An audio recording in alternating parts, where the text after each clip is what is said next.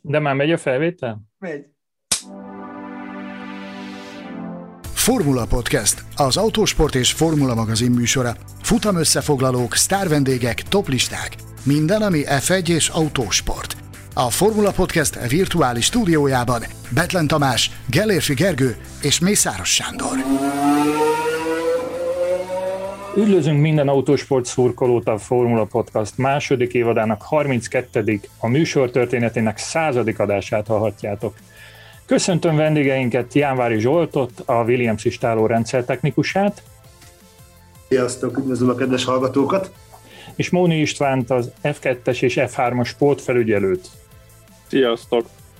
Avagy a Formula Podcast technikai, illetve sportigazgatóit. Hozzájuk hasonló forró szeretettel üdvözlöm kollégáimat, Gelérfi Gergőt és Mészáros Sándort. Szervusztok, és üdvözlöm az igazgató urakat.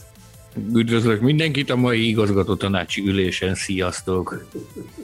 Engem Betlen Tamásnak hívnak, és barátaimmal együtt a mai ünnepi alkalommal arról beszélgetünk, milyen az élete a podcast igazgatóinak, mennyire elégedettek vendégeink az F1 eddigi izgalmaival, hogyan sikerült az elmúlt 99 adás, de arra is sort kerítünk, hogy néhány hallgatói kérdésre válaszoljunk. Tartsatok velünk! Nagyon nagy örömmel konferálom fel ezt a, ezt a műsort. Azt hiszem, hogy ilyen még nem volt, hogy, hogy századást készítettünk volna bármiből, még se könyvből nem készült száz, talán a magazinnal, mint ha túléptük volna a százat, de azért a, a podcast az mégis más. Azt hiszem, hogy ez valamennyiünk szívéhez nagyon közel áll. Akartok-e így a műsor elején, Gergő, Sanyi, valami, valami nagyon szívhez szóló, könyhullató, könyvfakasztó kommentet közé tenni itt a podcast elején. Érzelmes pillanat ez szerintem mindannyiunk számára. Tehát azt, azt ki lehet jelenteni, hogy az igazgató úrak viszonylag hamar csatlakoztak a, a podcast stábjához. Tehát a Zsolti például már a podcast indulásánál is ott bábáskodott a háttérben, még ha erről nem is mindenki tud, de ő kocogtatta folyamatosan a, a fejemet, hogy csinálni, csinálni, csinálni. Hát jó érzés tudni azt, hogy eljutottunk idáig, meg jó érzés tudni azt, hogy a hallgatói bázisunk az, az gyarapszik, és hogy díjaztok bennünket. Köszönjük szépen. Nagyon-nagyon hálásak vagyunk nektek.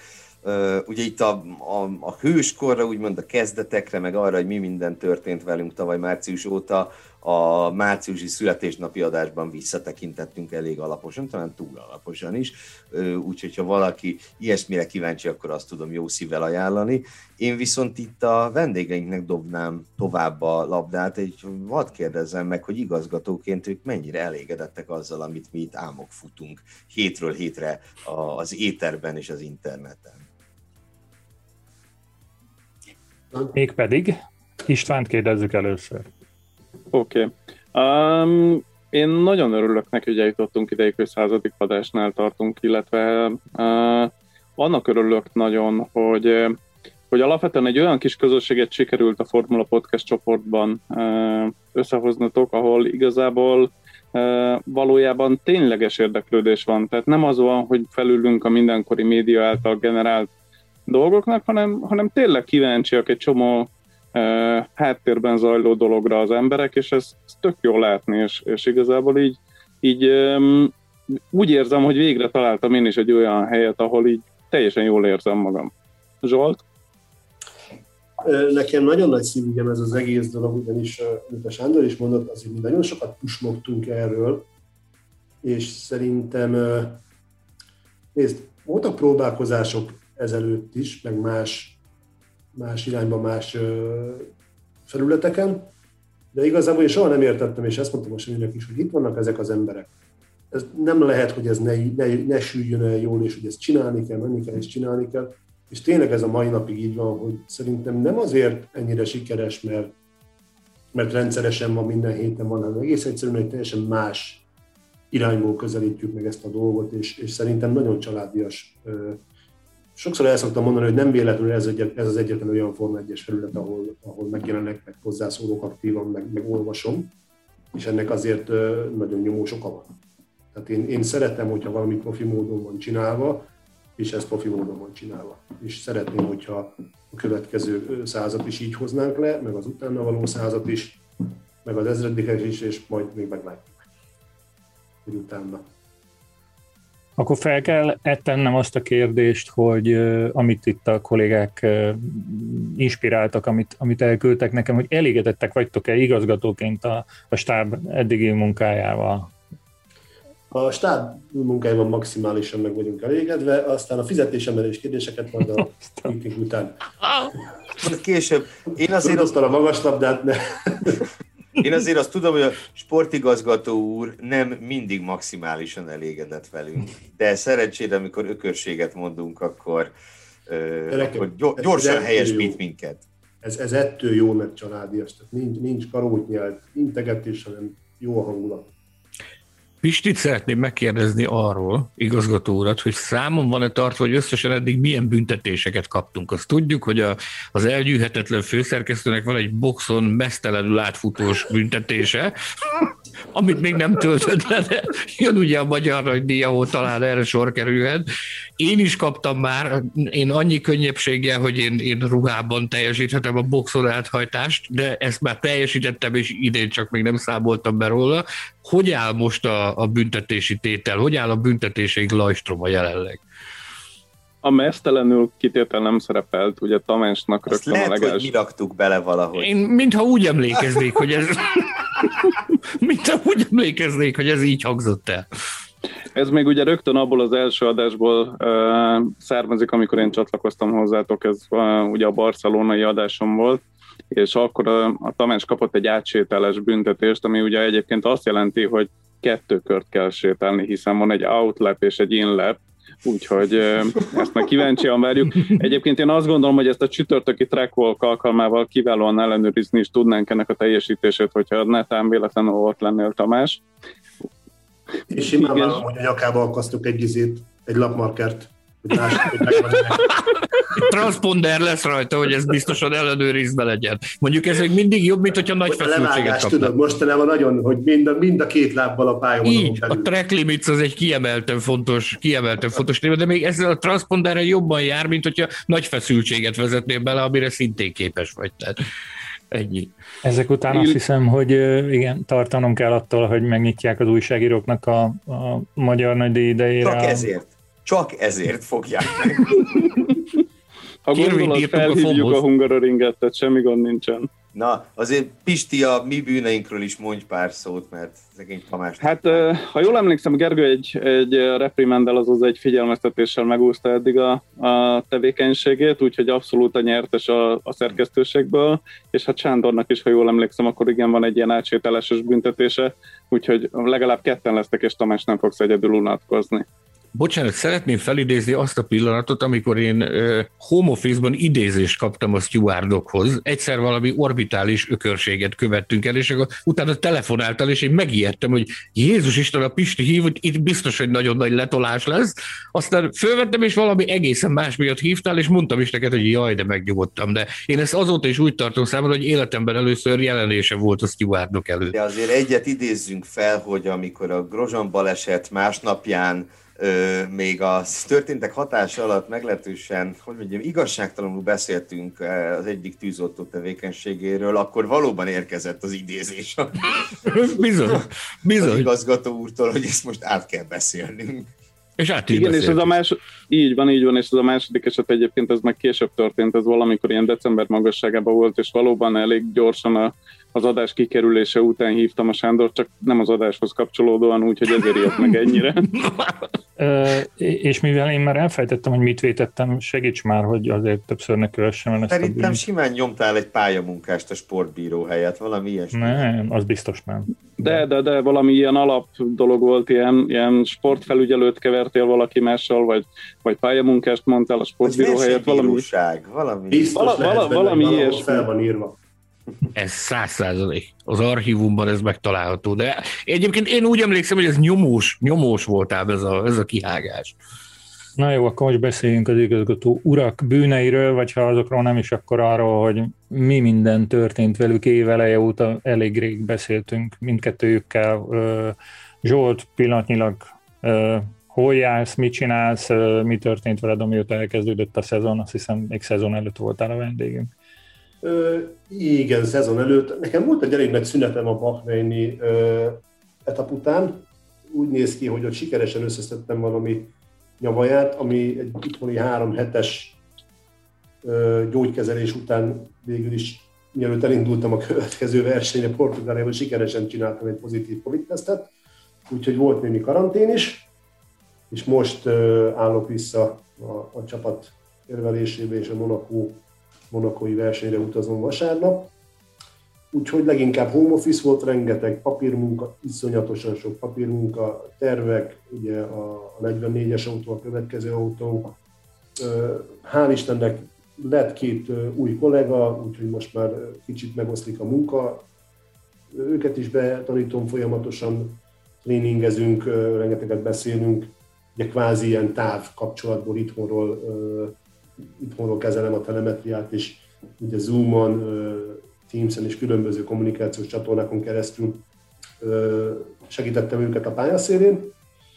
Úgyhogy kicsit ez csendes volt nekem ez az elmúlt két hónap, de hétfőn kezdődik újra a száguldó cirkusz, úgyhogy neki megyünk újra. István, te merre utazgattál? Hát én nagyon messzire nem mentem, én egészen Magyaródig jutottam, mert ugye a, a, az FIA közép-európai zónabajnokság nyitó futama volt meg, amin részt vehettem, illetve időben egy picit visszalépve február elején megtörtént a, az aktuális képzésem az FIA-nál, illetve én is segítettem megtartani a hazai kollégák képzését. Úgyhogy egyelőre még csendes volt. Amikor ez az adás ki fog menni ilyen kb. akkor tartok Ausztriába éppen egy következő zónaversenyre, és, és hát egyébként úgy néz ki, hogy az év első fel egy picit csöndesebb, de az év második felére azért bele fogok húzni a jóba. Az érdekel mindenkit szerintem, hogy, hogy F1-es hétvégén mikor tűnhetsz fel a reményeid szerint? Um, igazából erről ugye nem nagyon beszélhetünk, mert azért ez valamennyire még változhat, de, de az biztos, hogy a magyar futamon fogunk találkozni, és a tervek szerint kettő darab repülőjegyen van uh, F2-es, uh, bocsánat, nem, idén F3-as, F3-as futamokra, de az, hogy hova, az egyelőre maradjon meg titokként, mert ez még sok minden változhat, illetve hát a másik része meg az, hogy minek után ugye azért itt a Covid helyzet még mindig egy olyan, amilyen, ezért bármikor előfordulhat, hogy esetleg be kell ugrani valaki helyett, és ugye a tavalyi évem gyakorlatilag ebben telt el, hogy folyamatosan kollégák helyett ugrottam be. Reméljük, hogy idén ez egy kicsit csendesebb lesz, de benne van a pakliban nagy beugró különdi ö, utólagos átadását szeretném kezdeményezni 2020-ra igazgató úrnak. És még, még egy külön díj, szerintem közülünk ő az egyetlen, aki, aki elismerést tudott besöpörni az elmúlt időszakban, tehát az autóversenyzőkön kívül egyedül őt díjazták, ha jól tudom. Mi volt ez? Hát köszönöm szépen. Ugye a, a képzésünket azt ugyanúgy vizsgával zárjuk, mint bármelyik képzést jóformán a világon. Itt egy elméleti és egy gyakorlati vizsga van, és ezt ugyanúgy leosztályozzák, mint ahogy ugye a normál iskolai vizsgákat. Öt fokozatú a, a, az eredmény. Az első az a részt vett, a második a teljesítette, a harmadik a, a, a megfelelt, a negyedik szint az a, a kivel jól megfelelt, ötödik szint a kiválóan megfelelt kb. így a, a szabadfordításban, és um, én én zsinórban én már harmadszor a legmagasabb szinten teljesítettem, és hát itt az F2-es, F3-as uh, WhatsApp csoportban jól megbeszélgettük a kollégákkal, hogy uh, uh, hát bizony azért az ang- amerikai és az angol kollégák azért csodálkoznak ilyenkor általában elég rendesen, mert hogy ugye a, a, az, hogy valaki idegen nyelven teljesíti ezt a vizsgát, ez ő, az ő szemükben egy ilyen plusz nehézség, és hát így sikerült.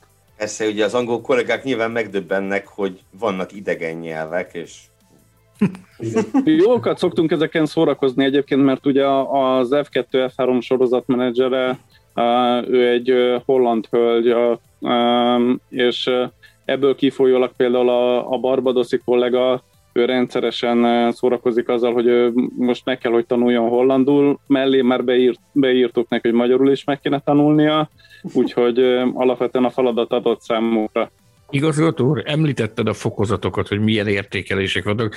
Olyan értékelés ott az alja környékén van-e, hogy hát itt volt, mert meleg volt, meg adtunk egy kis kaját.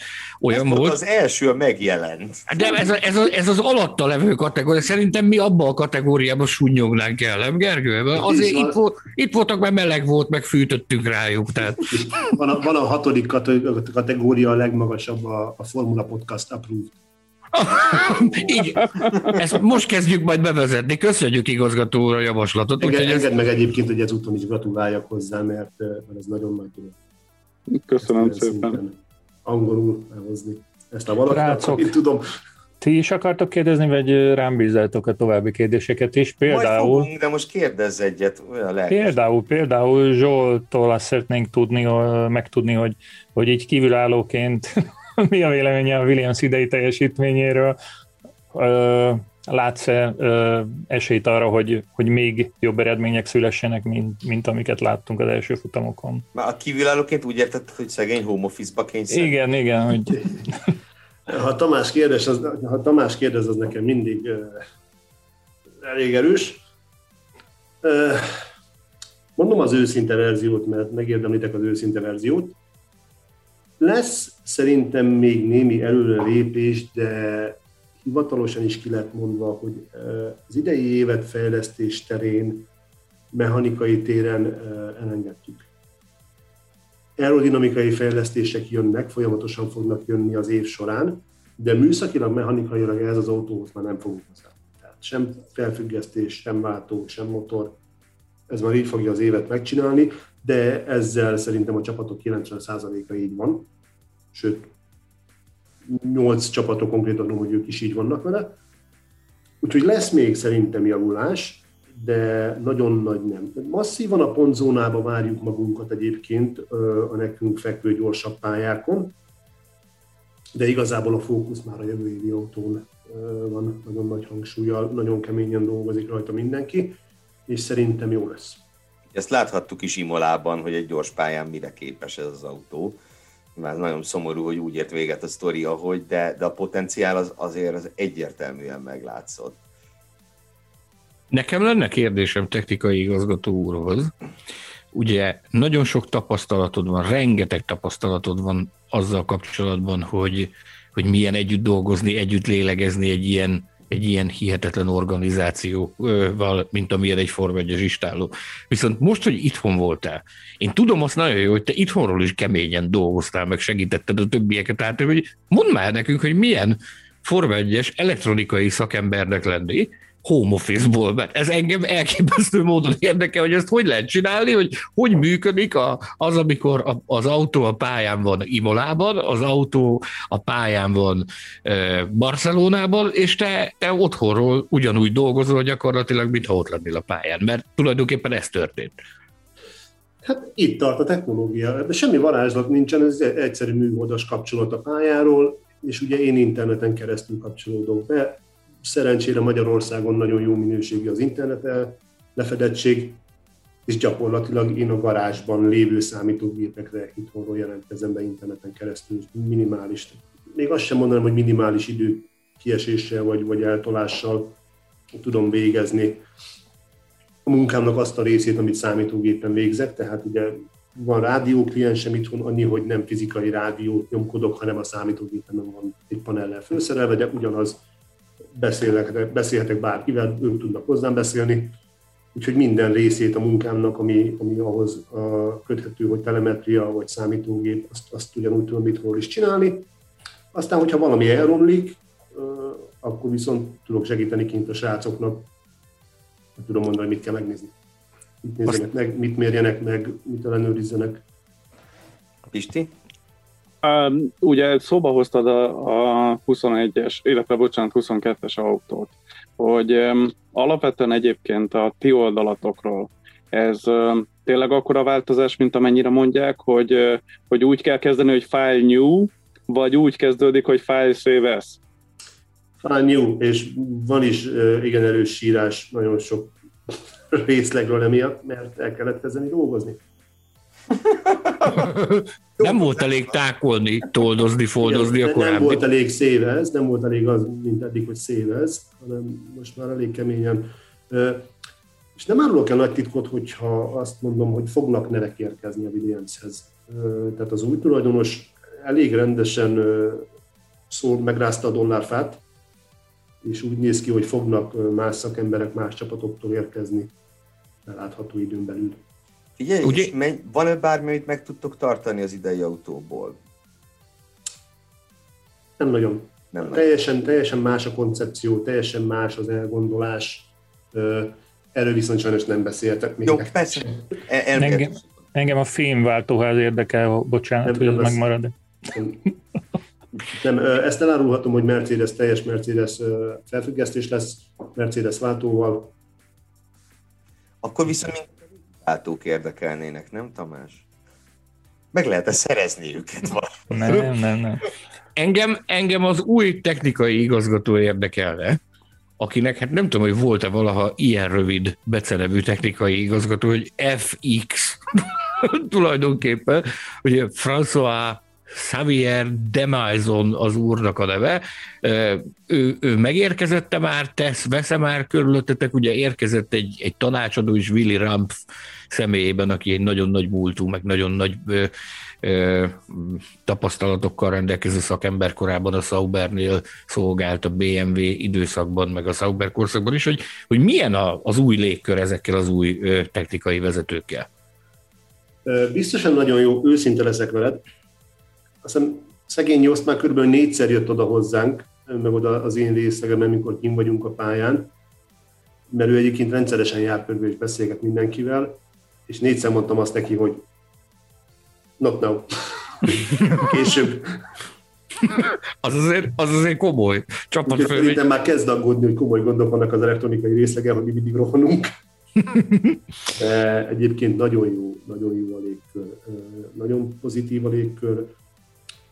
Nézd, volt egy kisebb beszéd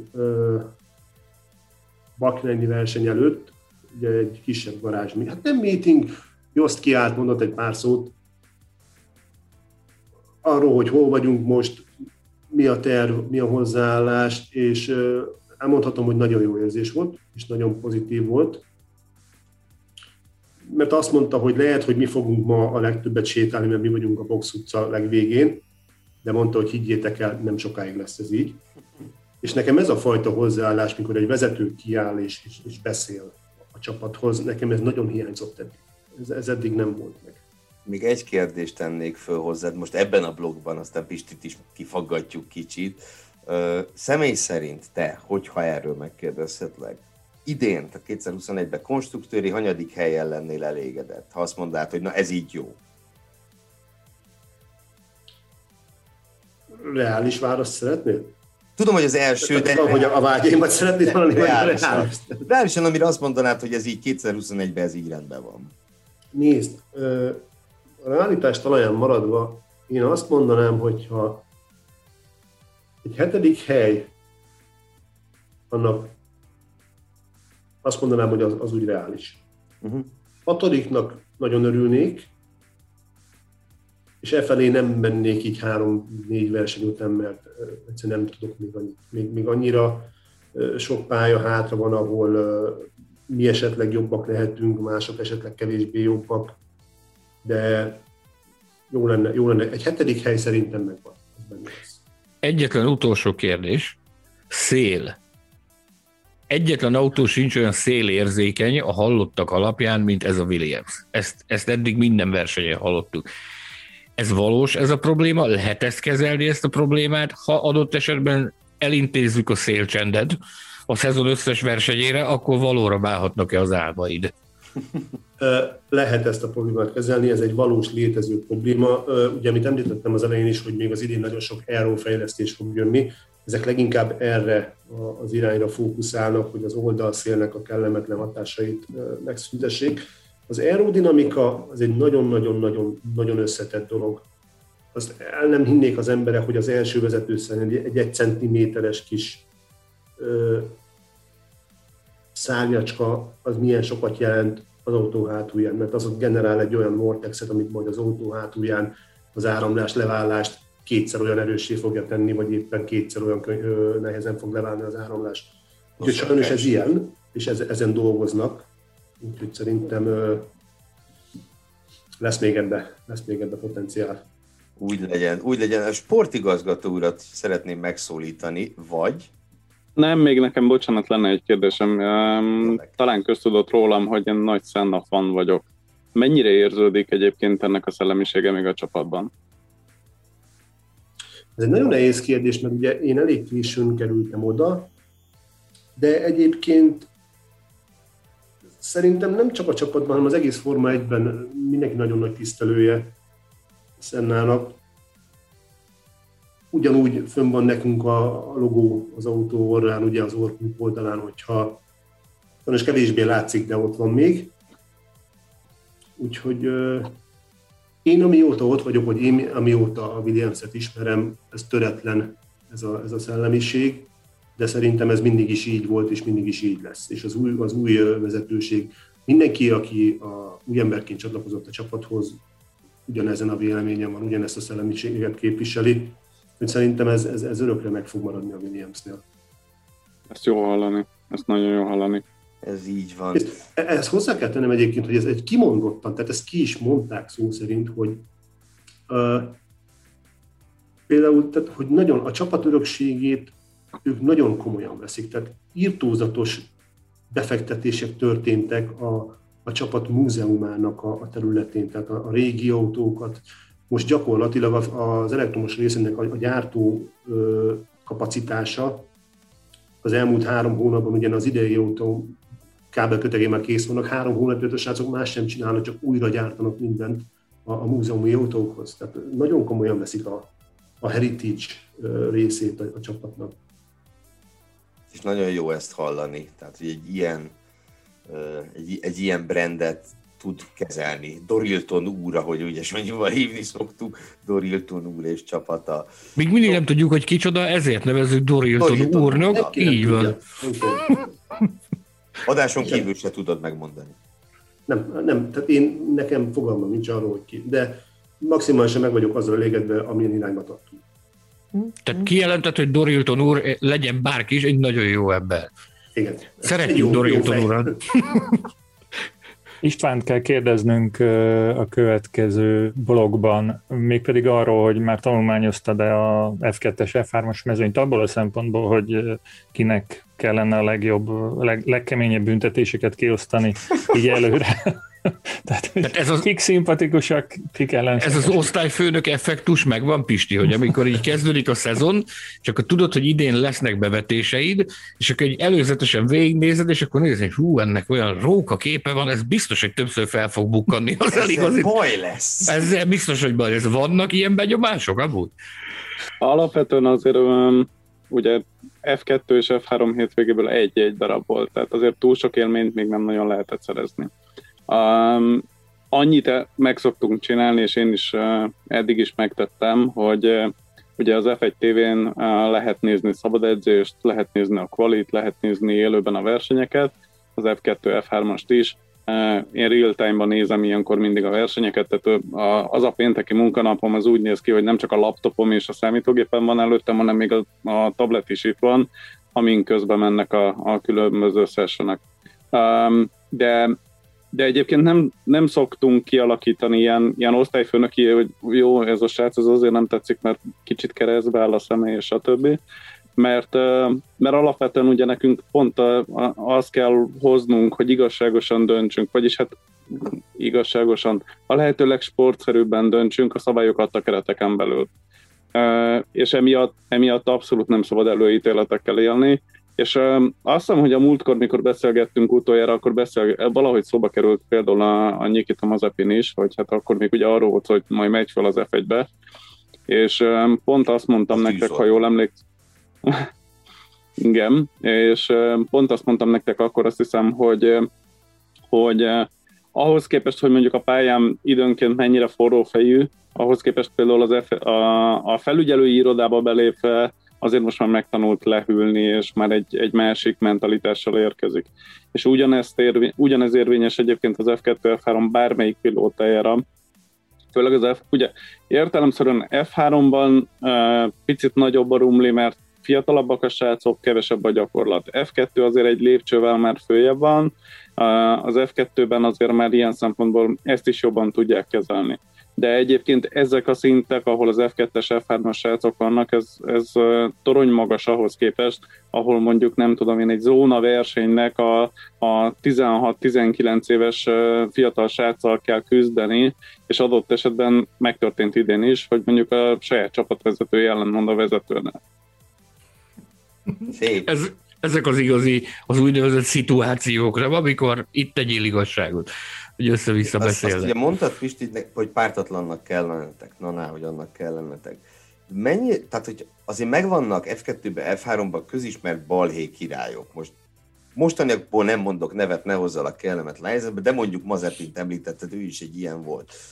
Mennyire lehet ö, objektívnek maradni, amikor azt látod, hogy már megint ez a gyerek jön ide, mert ugye mostani F2-es, F3-as is van ilyen srác, akinek tavaly sok ügye volt.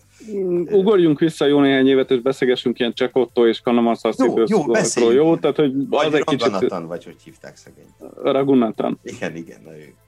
Um, alapvetően um, az egyedi eset elbírálásánál muszáj, hogy, hogy uh, abszolút megpróbáljunk pártatlanok maradni. Viszont a, a döntés közlése után, amikor már a, az ellenérdekelt fél mondjuk kimegy a, az irodából, akkor azért el lehet beszélgetni a, a, a versenyzővel, és el lehet beszélgetni adott esetben akár a csapatvezetőjével is, hogy mi az, amit mi látunk, hogy mi nem működik jól. Um, Ugye beszélgettünk a, a Facebook csoportban uh, arról, hogy például Ragunatánál is ugye ott a, a, a VSC körüli problémák azért elég jelentősen hozzáadtak ahhoz a pontmennyiséghez, amit ő összeszedett, mert hogy nem nagyon tudta kezelni azt, hogy, hogy most mikor jó a delta time, mikor nem, és egy, egy sessionon belül képes volt több infringementet, több szabálytalanságot elkövetni, és emiatt többszörösen gyűjtötte a pontokat. Tehát, hogy um, olyankor el lehet neki magyarázni, hogy de ez, ha már kicsúsztál mondjuk egy delta time-ból, akkor ne menj vissza, és, és utána megint csúsz ki, hanem mondjuk akkor egyszer csúsz ki, mert egyszer kapsz érte büntetést. Vannak ilyen nevez, mi ezt úgy hívjuk angolul, hogy frequent flyer, azaz uh, törzsutas. Van, vannak ilyen törzsutasaink, vannak ilyen törzsvendégeink, de, de alapvetően minden egyes esetben meg kell tudni különböztetni azt, mert nem biztos, hogy mindig ő a hunyó. Tehát erre például a Kanamassas volt egy jó példa, aki tipikus frequent flyer volt, de volt egy csomószor, amikor igazából ő volt a vétlen fél, csak valahogy mindig belekeveredett valamibe. Úgyhogy ezért kell így ezt valahogy megpróbálni helyén kezelni, hogy, hogy szeparáltan nézni az esetet, és ugyan nagyon sok az egyforma eset, de itt néha centiméterek döntenek arról, hogy most joga volt-e a versenyzőnek bevetődni a belső évre, vagy nem volt joga bevetődni, meg kellett volna neki hagyni a helyet, vagy nem kellett volna meghagyni a helyet. De nagyon érdekes ez, amit mondasz, hogy ha nem is mindig ő a hibás, de, de megint ő van benne, hogy a Formula 1-ben is megvannak ezek az arcok, akik valahogy benne vannak az esetekben. Ugye Lance Stroll nagyon jó példa erről, hogy neki jó néhány olyan nagy esése is volt, ahol egyáltalán nem ő volt a hunyó, mint amikor tavaly Kviát őt fölborította Bakreinbe, de mégiscsak azt látod, hogy már megint a Stroll. Tehát, hogy mintha lennek, akik mágnesként vonzák az incidenseket, ha nem is ők váltják ki.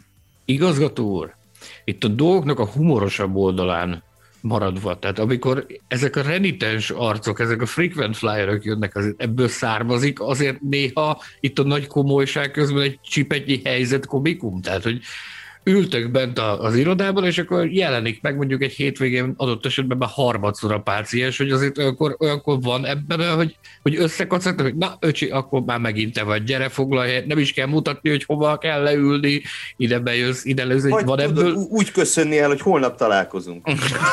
Vagy egy óra múlva itt vagyok, tehát van, van ilyen?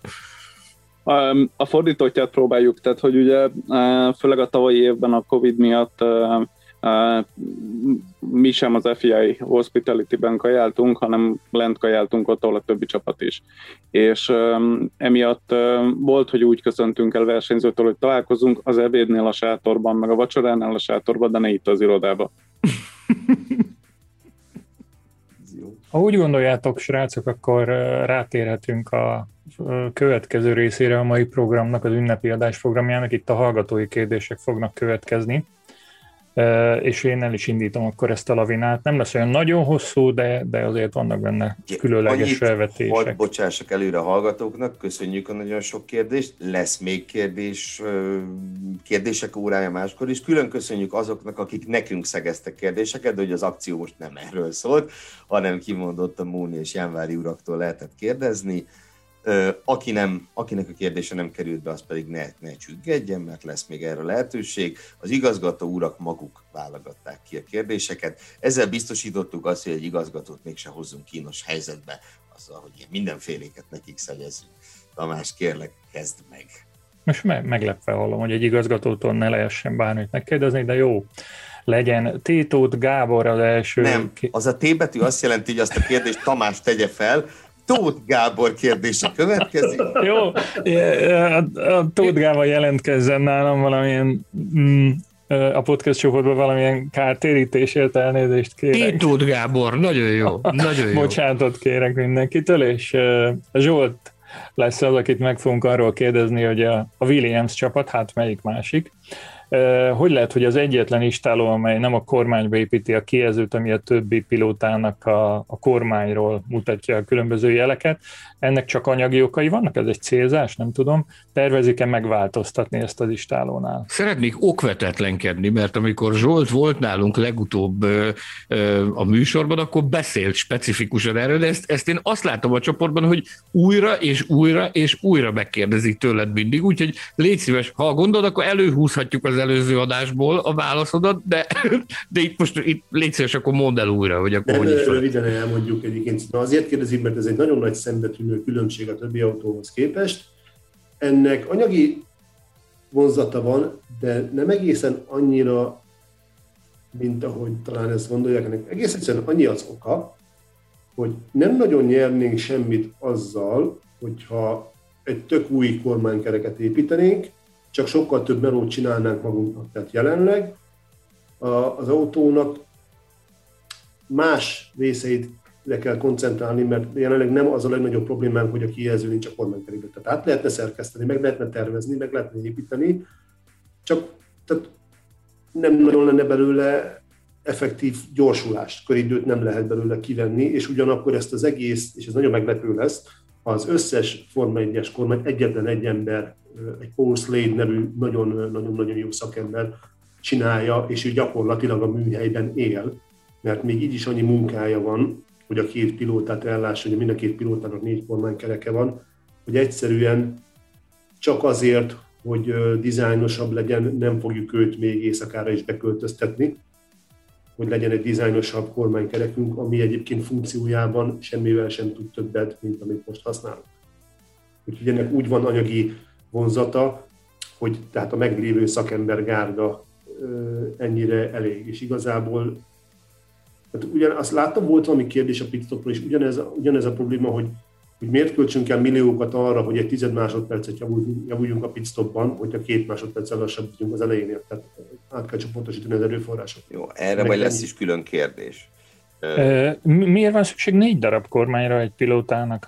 Nem elég kettő, egy fő, meg egy tartalék, vagy na, ne vagy Isten egy harmadik, de azért negyedik? Van, különböző specifikációi kuplunk karok vannak, ugye vizes versenyre, száraz versenyre, tartalék is kell hozzá, úgyhogy azért van ennyi belőle.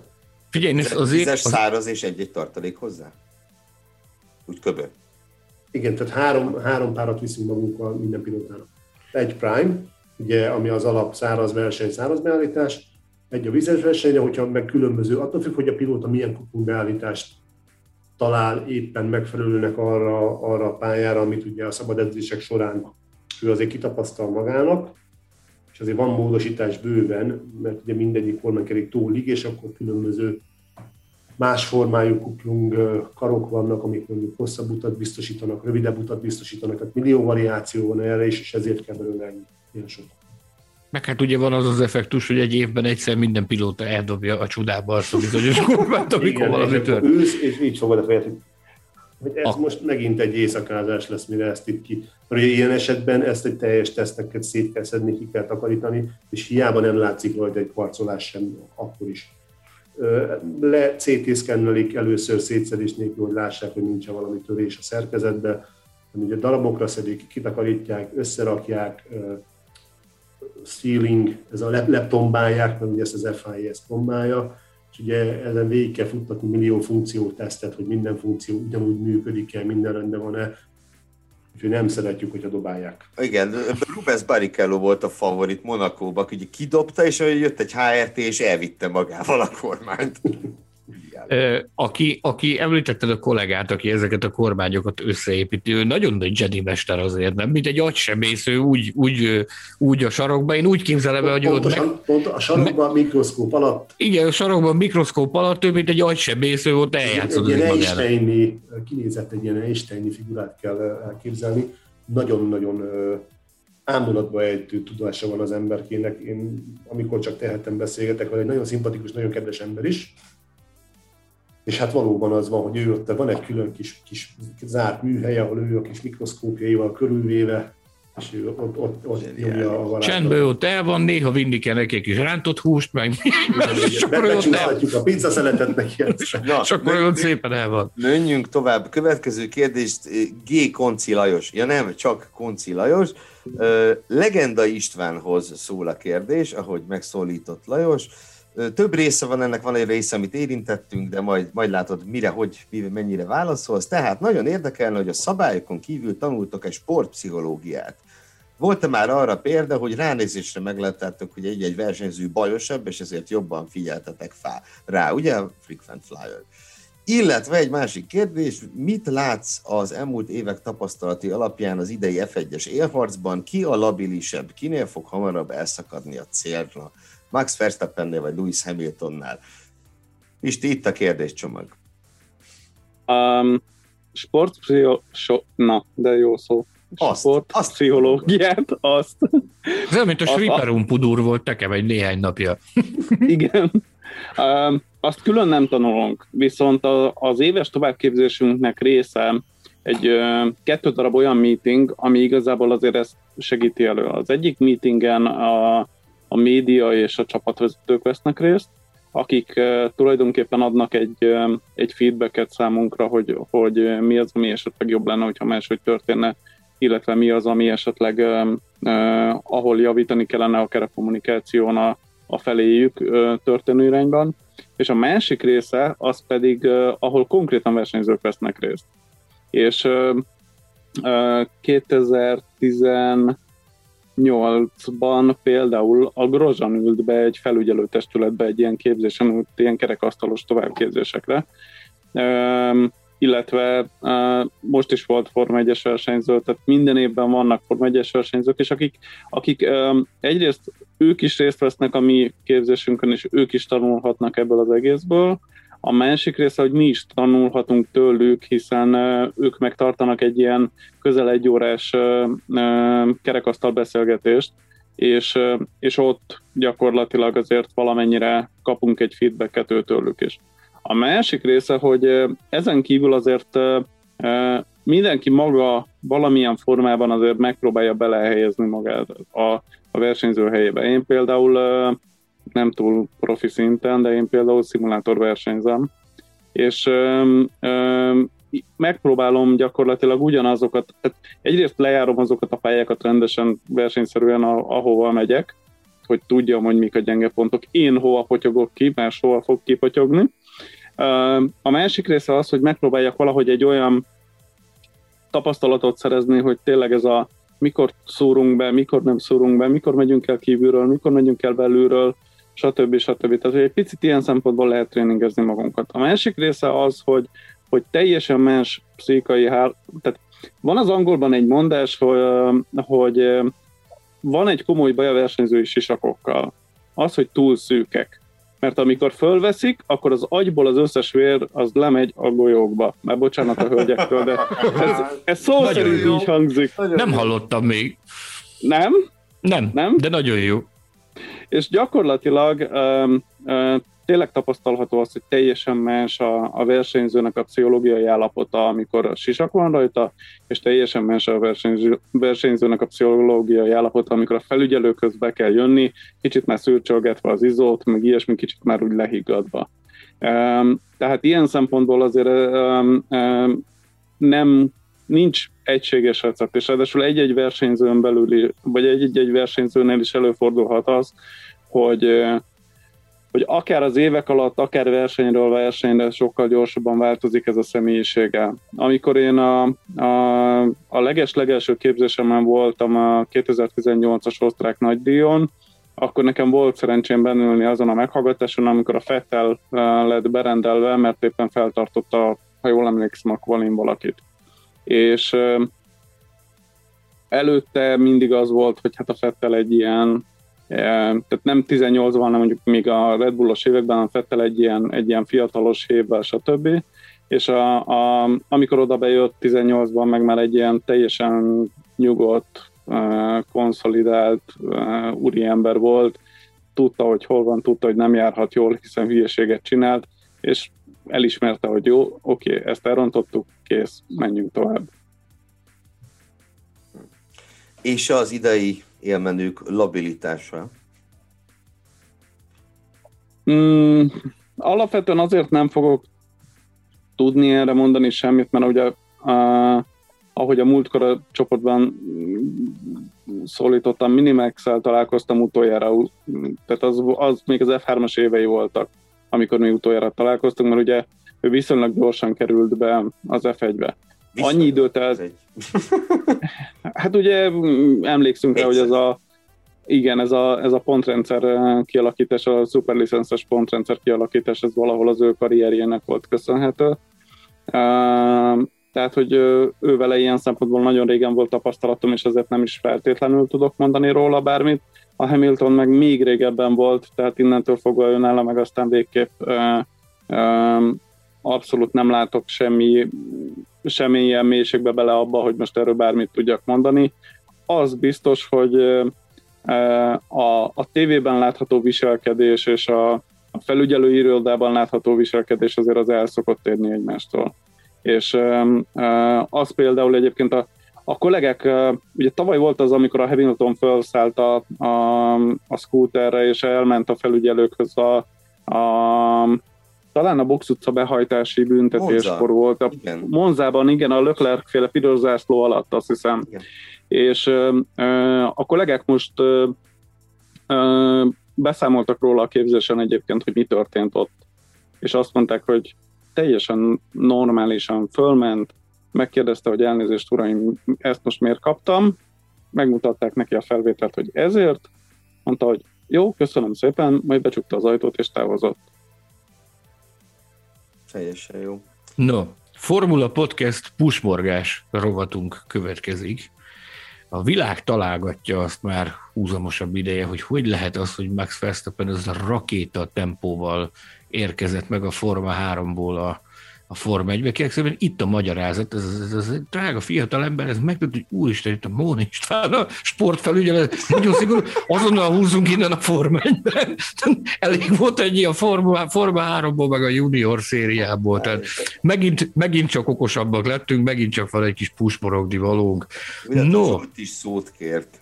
Igen, Igen. én csak elnézést szeretnék kérni, mert nagyon szoktam figyelni arra, hogy meeting alatt ne telefonáljak. Én az előbb nyomkodtam a telefonomat, de szigorúan munkaügyben. Úgyhogy elnézést. Na, és mi, mi, mi volt? Mit, mit üzentek? Ö, Hiszitek vagy nem, de nekem a telefonra küldözget az autóm üzeneteket. Úgyhogy ha bekapcsolják, vagy hogyha túl melegszik, akkor nekem jön az üzenet a telefonra. Már az autód ebben az esetben az egyik Williams versenyautó. Igen, a, a, a chassis free a Russell, most ő a hármas számú használva fog. Gyerekek, a, a Russell ott sumákol valami grófban, és most bukott le ebben a pillanatban itt az adásban. Nem át akarja állítani a háttérképet, és ahhoz adtam neki hozzáférést. Nagyon jó. Nagy, egy... Röhögsz, de most, most egyébként egy nagyon kemény melót adott neki. Most nekünk egy, volt egy, ezt csak gyorsan beszúrom érdekességképpen, most volt egy háromnapos, elég durva derbink, át kell alakítanunk az egész vezetékelést, mert a Mercedesnél van egy olyan rádiógombos megoldás, amit szeretett volna, hogyha az ő olyan is megcsinálunk, hogy akkor is tudjon a rádión beszélni, amikor a kormánykerék nincs rácsatlakoztatva az autóra. Normál esetben a kormánykeréken van neki a rádiógomb, és ezért gyakorlatilag a teljes kábelköteget szét kellett bontani és behúzni két új vezetéket, úgyhogy szerintem most azt tesztelgetik. No, ez egy incsiklandó érdekesség. Egyébként pedig egy igazgatónak nem kell elnézést kérnie soha, tehát csak úgy szeretnék megjegyezni. Nem, csak nem szép dolog, hogyha, hogyha meeting közben nyomkodod a telefont. Egy igazgatónak ezt is szabad. Zsolt, a következő kérdést Hegedűs Csaba, kollégánk, podcast csoporttagunk, lelkes hallgató. is valami nagyon keményet kérdezett, arra emlékszek a nevét. Hegedűs úr kérdése így szól. Zsoltó, kérdezném a barcelonai Alfa Romeo eset kapcsán. Mekkora az esélye annak, hogy egy kerékcserénél észreveszi a kollega, hogy nincs meg a nyomás a gumiban? No, ugye láthattuk, hogy mi történt ott Barcelonában, és neked volt is hasonló afférod. Nem pont ugyanilyen, de te éltél meg hasonló. Megveregettem három évet. Bizony. Hogy is volt ez? Mit is volt? Ö, nem kell, hogy esélye legyen rá, ugyanis, ugyanis rögtön azelőtt, hogy ő leveszi a kereket az állványról, még bent a garázsban, amikor megjön a fülére az üzenet, hogy pit stop, őt ott, mielőtt leveszik a kereket, egy ember végig megy és leellenőrzi mindegyik a nyomást. És hogyha olyan szintű nyomásvesztés van, hogy mire ő hogy annyira leessen a nyomás, hogy lapos legyen a kerék, mire ő kiér a kerékkel az autóhoz, vagy az ő helyéhez, az még már olyan szintű defekt kell, hogy legyen azt már, hogy azt már szabad szemben is észre fogja venni. De rögtön azelőtt, hogy ő megfogja a kereket, egy ember végigmegy és leellenőrzi a nyomásokat. Nem is annyira a hiba kizárása miatt, hanem hogy a szabályok be legyenek tartva, ugye nagyon szigorú szabályok vannak a keréknyomásra, és ezért leellenőrzik föl lakás előtt, hogy biztos, hogy a limiten belül legyen a nyomás és akkor itt nem ellenőrizték, vagy tehát ugye valami történt, ami miatt kijutott ez a kerék a, a kerékcseréig az autóhoz.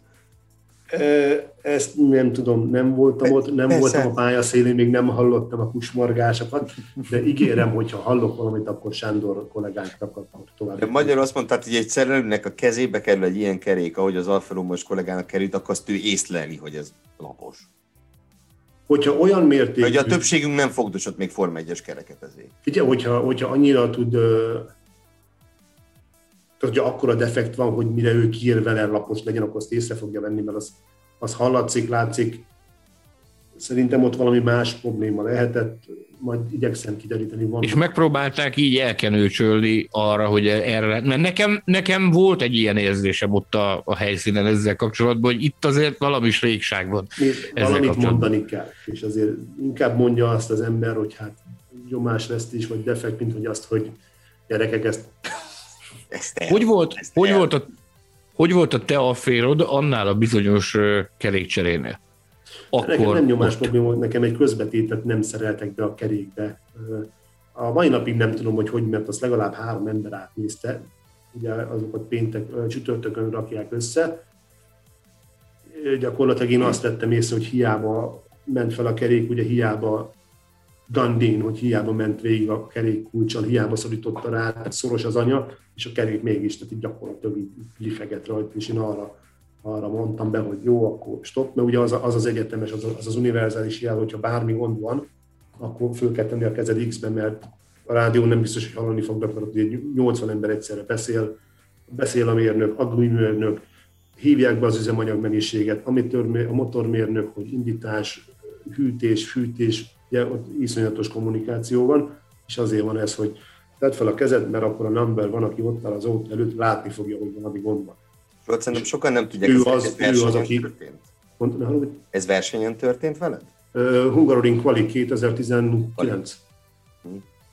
Uh, és ugye ő az, aki, aki a végső verdiktet mondja, tehát ő engedi ki az autót, és hogyha ő tudja, hogy gond van, akkor ő nem fogja kiengedni az autót, akármit mondanak neki a rádióról, ő azt fogja mondani, hogy stop, amikor ez az eset ott történt, nekem az első gondolatom az az volt, hogy atya úristen, neked is volt hasonló a félret, hogy milyen hihetetlen lélek jelenlét kell ahhoz, hogy, hogy ezekben a forró pillanatokban az ember megtalálja a helyes döntést, meg a helyes lépést, meg merjen bizonyos döntéseket meghozni ott a másodperc töltés alatt. Nekem egyből ez a sztori futott le az agyamban, ami, ami vele történt a 2019-es magyar időméről.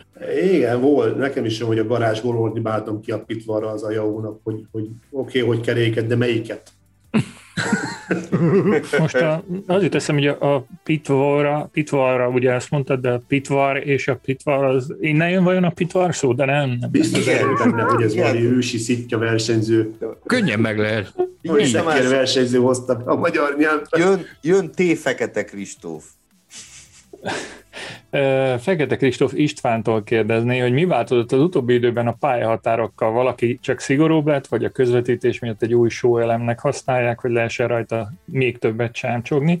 Hallgatunk úgy gondolja, hogy régen is mindent kihasználtak a pilóták, hiszen a párom, három párom. A három pálya elhagyás utáni büntetés elég régi szabály. Így szól a kérdés. Uh, menjünk vissza fel. A három pályaelhagyás utáni büntetés az nem leírt szabály, hanem ez egy, a, egy gyakorlat. Tehát alapvetően a, a, a pályahatár, hogyha ha nagyon szigorúan nézzük a szabályokat, az már pedig a vonal. És a, a, a rázók és mindenféle dolog hozzá, az az adott versenyigazgatónak a döntése, hogy ő mit enged. Um, Hungaroringen is van, megvannak ezek a speciális helyek, ahol igazából ugye négyes kanyar, tehát a Menszelben, az Aléziben, ugye a 11-es kanyarban, illetve a 12-es kanyarnál is, hogy meddig engedi ki, mennyivel engedi bővíteni a versenyigazgató ezt az egészet. Nem gondolom azt, hogy lenne egy ilyen új show elem ebben az egész történetben. Én sokkal inkább azt gondolom, hogy ugye Michael Maisie a harmadik szezonját tölti versenyigazgatóként. Ugye Charlie 19. március 14-én hunyt el, a 19-es szezont és a 20-as szezont vitte végig a Michael, és most a 21-es szezont kezdte meg.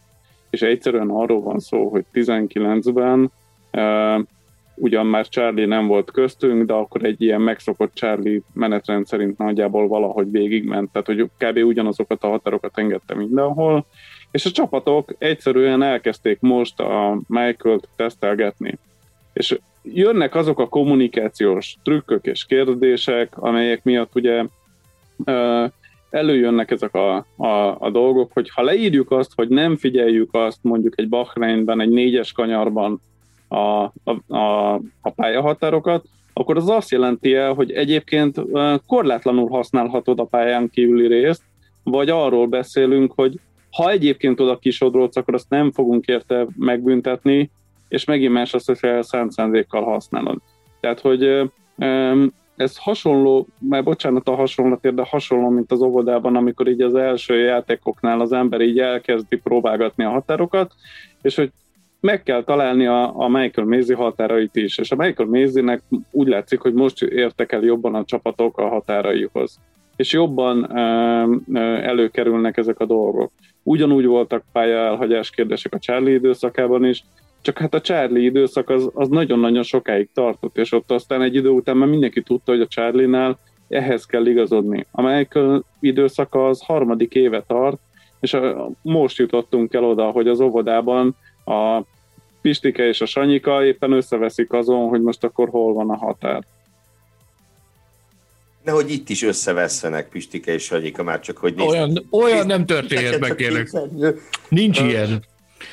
Nincs ilyen. Sanyika nevében szeretném jelezni, hogy ilyen nincs. Valószínűleg ez is, az is benne lehet, aztán javíts ki, hogyha tévedek, hogy azért is van most ez a kérdés ennyire középpontban, mert a, a bajnoki párharc egyik részvevője az, akit újra és újra megbüntetnek. Tehát lehet, és sokkal szorosabb, volt, sok korábban sem volt kevesebb büntetés, csak hogyha ezt Stroll kapja, meg Mazepin kapja, meg Ericsson kapja, akkor nem veszed észre. Hát egyrészt nem kerül ki a tévébe, tehát nem lesz fönn az adásban a, maga ez a határozat. A másik része, hogy sokkal szorosabb a verseny, és sokkal inkább szükség van ezekre a dolgokra ahhoz, hogy, hogy valaki jobb legyen a másik felnél. Tehát ugye a, a, a, a Bahreini esetnél is, ha jól emlékszem, kiposztoltam, hogy hány határozat született összesen. Volt a mezőny végéből is, azt hiszem, hogy még Zsolték is érintettek voltak a, a valamelyik pálya elhagyásos büntetésben, de, de alapvetően az nem kerül ki adásba. Persze, az akkor kikerül adásba, hogyha ha mondjuk a Qualin a leggyorsabb körödön van, kikerül adásba, hogyha a verseny leggyorsabb köre, ahol ugye plusz egy pontot kapsz érte, tehát, hogy alapvetően ezek, ezek ilyen szempontból sokkal inkább a figyelem középpontjába kerülnek, és nem arról van szó, hogy azért került a figyelem középpontjába, mert ezt SO elemként szeretnénk használni, hanem azért került a figyelem központjába, mert sokkal több minden múlik most rajta. Igen, persze, meg hát most ugyanitt mondhatnánk, hogy a tavaly volt a Hamiltonnak az illegális boxba hajtása, az, az sem egy annyira rendkívül dolog, tehát megesik azért, mások is kapnak büntetést ilyenért, csak amikor nem a futam győzelem dől el rajta, akkor a többség észre se veszi, hogy Giovinazzi-t megbüntették illegális boxba hajtásért. Mondja Zsolt, mielőtt neked Ö, Én szeretném megragadni az alkalmat, hogy megvédjek minden sportbírót. Ugye sokszor van az, hogy szidják a sportbírókat, hogy így, úgy. Azt azért nagyon sokan nincsenek vele tisztában, hogy ott, mikor születik egy döntés az ő oldalukról, ők sokkal, sokkal, sokkal, sokkal több paraméter alapján hozzák meg ezeket a döntéseket, mint amit akár csak egy tévénéző elképzelni tud. És sokszor lehet, hogy azt mondják, hogy egy, egy otthon a kanapéron nézve ez, ez egy nem igazságos döntés, vagy ez egy nem reális döntés, de nekik sokkal több adat áll rendelkezésre, és ők az egész ö, akciót, az egész történést teljesen más szemszögből látják, mint mi otthon a tévén előtt, mikor otthonról nézzük. Úgyhogy szeretném kihangsúlyozni, hogy nem nagyon csal senki, nincsen csalás egyik csapatnál sem, nincsenek hülye sportbírók, nincsenek vak sportbírók, csak egész egyszerűen, ha olyan döntés születik, ami egy rajongónak nem tetszik, vagy a pilótája ellen olyan döntést hoznak, ami neki nem tetszik, az nem azért van, mert valaki az ő pilótáját nem szereti, hanem valószínűleg hozzáférése van olyan adathoz, amit az otthoni tévénéző sajnos nem lát, és remélhetőleg a jövő azért e felé megy, hogy, hogy minél több adatot tudjunk otthonra elvinni a nézőknek és a szurkolóknak. Alapvetően tényleg az hogy nagyon-nagyon sokszor sokkal több információ van.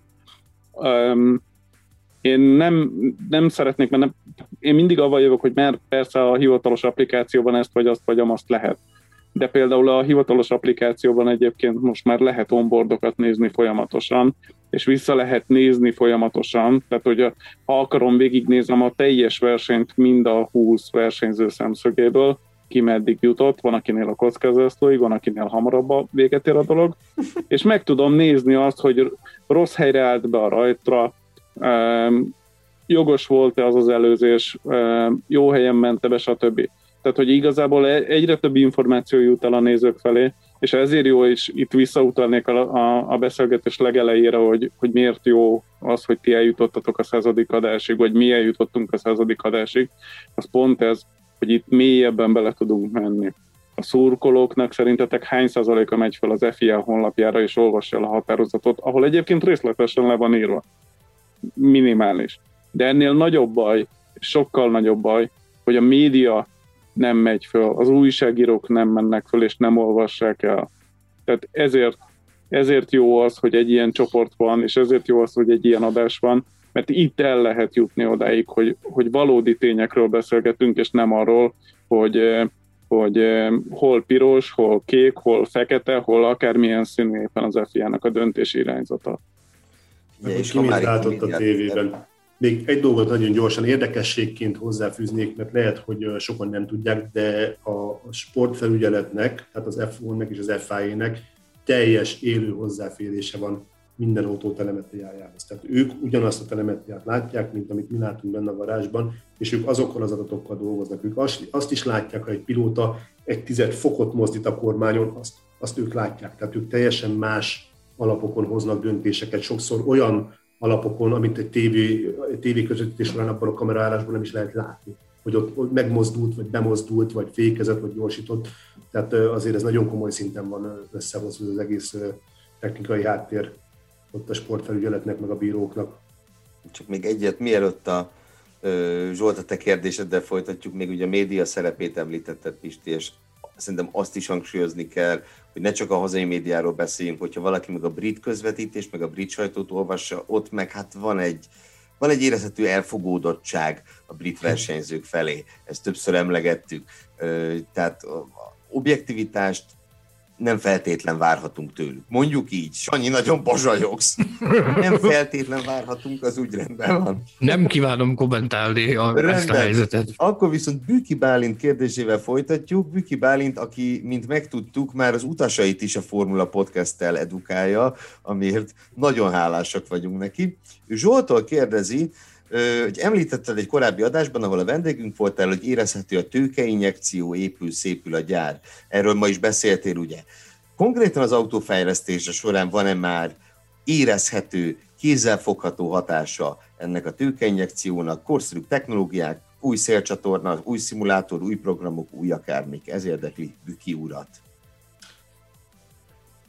vannak szemmel láthatóak, nagyon sok új, ez egy nagyon érzékeny terület, erről sajnos túl sok mindent nem mondhatok, elnézést kell kérjek, de vannak gyakorlatilag egész héten mindenki, nem is tudom, hogy hívják ezeket a szakembereket, akik 3D szkenneléssel az épületeket feltérképezik belülről, mert ugye ez egy elég régi épület, ez valami vegyi gyár volt régen, mielőtt még a Frank megvette, és most is zajlanak átalakítások, nagyon komoly technológiai upgrade-ek vannak, tehát most dobták ki például a, a röntgengépünket, és kaptunk helyette egy elég nagy és elég komoly CT gépet, ami gyakorlatilag százszor olyan gyorsan dolgozik, mint a régi röntgengépünk.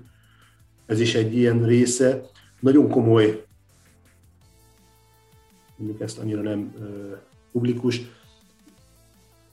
Olyat nem mondja. Komoly ilyen. géppark van például komoly, komoly gépek. nyomtatásra beállítva, ami eddig ki volt szervezve, és ugye most már gyakorlatilag ott van, tehát nem kell várni rá, nem kell kiszervezni, azt lepapírozni, megbízó számla, anyja neve hat példányban, akkor arra várni, hogy ott kapacitás, hanem hogyha valami kell, akkor már ott bent rögtön a gyárba, megvan rá az ember, ott áll a gép mellett, jön le a, a rendelés, és ő már áll is neki és csinálja. Nagyon nagy beruházások vannak, tehát szemmel láthatóan újra van az egész gyár, felújítások vannak, mindenképpen érezhető. A technológiai részéről sajnos nem mondhatok sokat, ezt, ez, ez mindig egy nagyon érzékeny kérdés, igyekszek mindig annyit elmondani, amennyit lehet, de hogyha én azt mondom valamire, hogy erről nem beszélhetek, akkor az tényleg az, hogy arról nem. Bocsánat, nálunk a családban a 3D nyomtatás az nagyon dívik, és uh, muszáj erre rákérdezem, hogy mi, mindenféle anyagokkal, vagy csak mi anyagot nyomtatok, vagy már fémet is lehet? Titán, titánt is tudunk már nyomtatni. Azt a kutya. Hú. Hú. Én itt a, a röntgengépre térnék ki, hogy a tüdőszűrést is lehet bonyolítani a gyárban. De már nincsen, vége van a röntgen. Az, az, az, új géppel, az új CT géppel lehet embert szkennelni, tehát akkora. Nagyon jó. Egyszer elmegyünk, Sanyi, mit szólsz? Oké. Okay. Te meg én, Szeretettel várunk. Elmegyünk van, van egyébként nyílt nap. Én javaslom, hogyha a Covid mizériának egyszer vége lesz, akkor esetleg eh, egy évben eljátszhatnánk azt, hogy kisorsoljuk ezt a nyílt napot. Két résztvevős lehet, két eh, ember tudok délelőtt, két ember délután. Úgyhogy ebből hát, ha majd, eh, ha a Covid mizériának vége van, majd megpróbálunk valamit össze. Hát erre visszatérünk. Erre biztos, hogy visszatérünk. Mekkora ötlet. Erre biztos, hogy visszatérünk. Megyünk tovább egy ős hallgató a kezdetektől fogva velünk hozzá csatlakozott, és mellettünk kitartó Kavasászki Zsolt István szeretnék kérdezni. István, mi a véleményed a múlt hétvégi második F3-as futamon történt ütközésekről? Volt-e hibás a két eset során? Ha igen, ki és milyen büntetést kapott érte? Ezt kérdezik a Vasászki úr.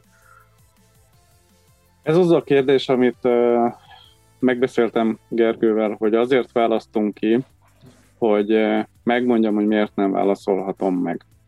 Azért nem válaszolhatom meg ezt a kérdést. Egyrészt uh, függetlenül attól, hogy bármilyen bajnokságról beszélünk, tehát most nem csak F1, F2, F3, hanem legyen mondjuk, nem tudom én, uh, Mária Pócsi Rallycross futam akár, hogy csak hogy közelebb legyünk egy kicsit Tamáshoz, meg Sándorhoz. Jövő hétvégén. Meg a Zsoltihoz. Hallod Zsolti? Meg a Zsoltihoz is, igen. hát jó, Zsolt most éppen Angliában van, de hát előbb-utóbb... Nem, nem ám kamuzok, hanem ez... Na, pont nem látszik. Ott van az. Ott, ott van, van az. Írogat nekem az autó, ott látszik. Ott felül. írogat az autó. De Szeretlek Zsolt, azt írja az autó. Hiányzol. Hiányzol. Hiányzol. A váltó a váltóvezérlésbe a gyakorló mód aktiválva, deaktivált, aktivált, Nagyon jó. deaktivált. Elképesztő. Na, szóval, hogy vissza Zsolt kérdéséhez. Tehát legyen bármilyen sorozatról szó, az adott felügyelő testület mindig a részére rendelkezésre álló információk alapján dönt. Amilyen információk, ahogy azt előbb a Zsolt is elmondta, nem biztos, hogy nekem a rendelkezésemre állnak, ezért én nem szívesen válaszolok ilyen jellegű kérdésekre. A másik, és ez igazából ilyen szempontból még fontosabb, hogy tekintettel arra, hogy én most már úgymond a Forma 1 előszobájában vagyok. Tehát ezt úgy kell elképzelni, hogy ugye F2, F3-as felügyelők közül, hogyha végképp valamiért nem találnak F1-es felügyelőt, akkor fölemel, föl ránthatnak bárkit az F1-be egy-egy versenyre adott esetben. Ezért én végképp még az F1-jel kapcsolatban sem mondhatom el egy-egy esetről ilyen szempontból a véleményemet. Amit én vállalni tudok, az az, hogy én meg fogom tudni magyarázni, hogy miért döntöttek úgy. De én ellen sose fogok mondani. Én sose fogom azt mondani, hogy az adott felügyelőtestület rosszul döntött, azt tudom elmondani, főleg, hogyha el tudom olvasni a határozatot, és meg tudom nézni azt, hogy milyen, milyen szabály alapján döntöttek úgy, ahogy, hogy miért döntöttek úgy, és milyen információk állhattak a rendelkezésükre ahhoz, hogy ez, ezt a döntést hozzák meg. Sajnos ez ilyen szempontból egy ilyen teljesen összeférhetetlen dolog lenne, hogyha én nekiállnék okosabb lenni itt mondjuk nem tudom én valamelyik felügyelőtestületnél. A másik része, hogy hát minden bizonyal a karrieremnek sem tenne különösebben jót, és hát minek után 25 évet áldoztam arra, hogy eljussak ideig, ezt a 25 évet azért nem szeretném így az ablakon kidobni. Értem, nem csak Zsolt szokott ilyet kérdezni, értem a hallgatók kérdéseit ilyen szempontból, mert jó lenne biztosan többet tudni ezekről ilyen szempontból, de ahogy mondom, nagyon szívesen megválaszolom azt a kérdést, hogy miért döntöttek így, de hogy mi az én véleményem, azt sose fogom elmondani. És, és ez meg, teljesen korrekt is. Megvilágosodtam, hogy a jó pár évvel ezelőtt Mélszint meg olyan aránylag gyorsan a tévébe a Púl Sándor rovata emlékeztek, a, amikor értékelte a labdarúgó bíróknak a hibáit. A bírónak nincs videója című rovat ilyen kisgyerekkoromban, és ugye az volt a legjobb, hogy a, aki a, volt egy bíró, aki egész szezonban egyszer sem bukkant föl a rovatba, ő kapott ajándékba egy videót, erre tisztán emlékszem. Mindenkinek ajánlom. Neki már lett videója. Mindenkinek ajánlom Púl Sándor és Zombori úr vitáját, amely megtalálható a YouTube-on. Az kegyetlen. Ami, amivel a, a verdikt az az, hogy hát ha neked ez 11-es volt, akkor én felállok, azt megyek innen kifel a műsorból.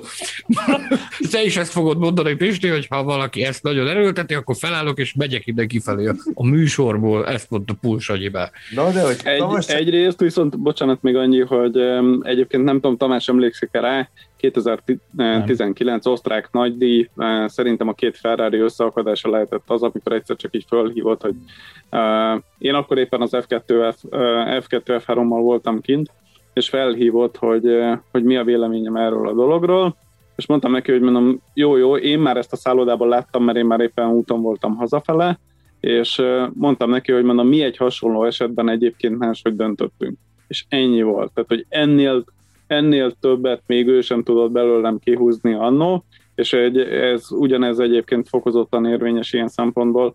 Tehát a, ugye értem azt a dolgot, hogy nektek, mint műsorkészítőnek, meg nekünk, mint csapatnak, ez, ez fontos, hogy minél többen legyünk, viszont minél többen vagyunk, annál többször elő fog kerülni ez a kérdés, tehát ugye ezt majd valahogy ezért ki kell találjuk így, így öten egymás között, hogy, hogy hogy tudjuk úgy kezelni, hogy az igazából azért hasznos is maradjon a hallgatók számára, de, de, de muszáj meghúzni egy vonalat.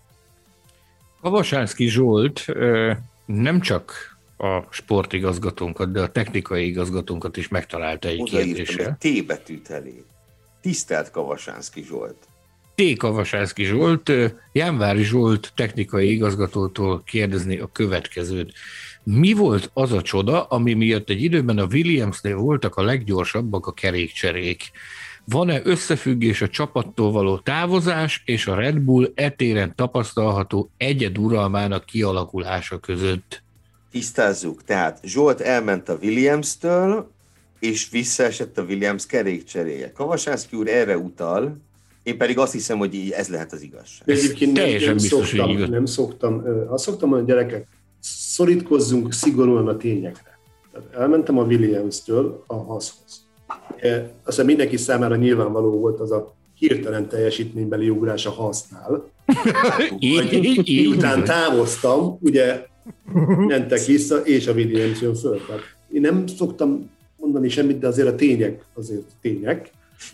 De viccet félretéve, Bocsánat, Igen, hagyj vigyem, szabadba kell, hogy vágjak igazgatóra. Itt a Red Bull egyeduralmának kialakulására utal Kavasászki úr. Én ebből itt én azt a következtetés vonom hogy itt a, a háttérből ostromol téged a, a Red Bull. Volt, volt egy állásinterjú, tehát utána indultam. És már csak ez is elég volt ahhoz, hogy az egyeduralom kialakuljon. Nem, Köszönöm szépen, nem, megvan a magyarázat. Mentek át Williams-es dolgozók a Red Bullhoz.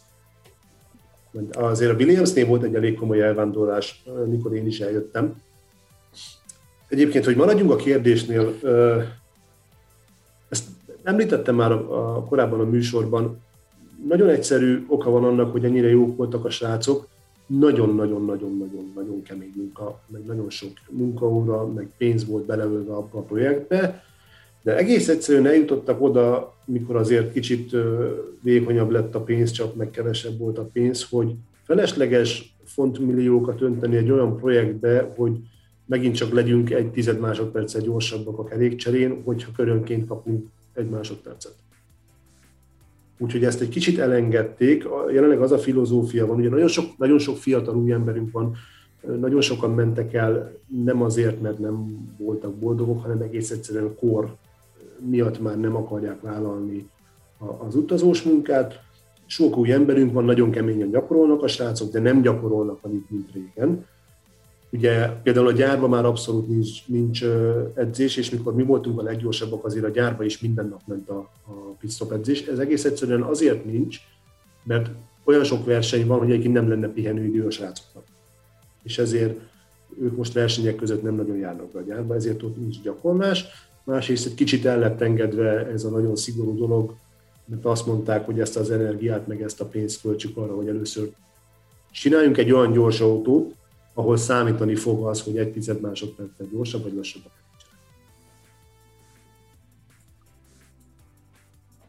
És ez a, rög, ez a rögvalóság, itt nincs semmi.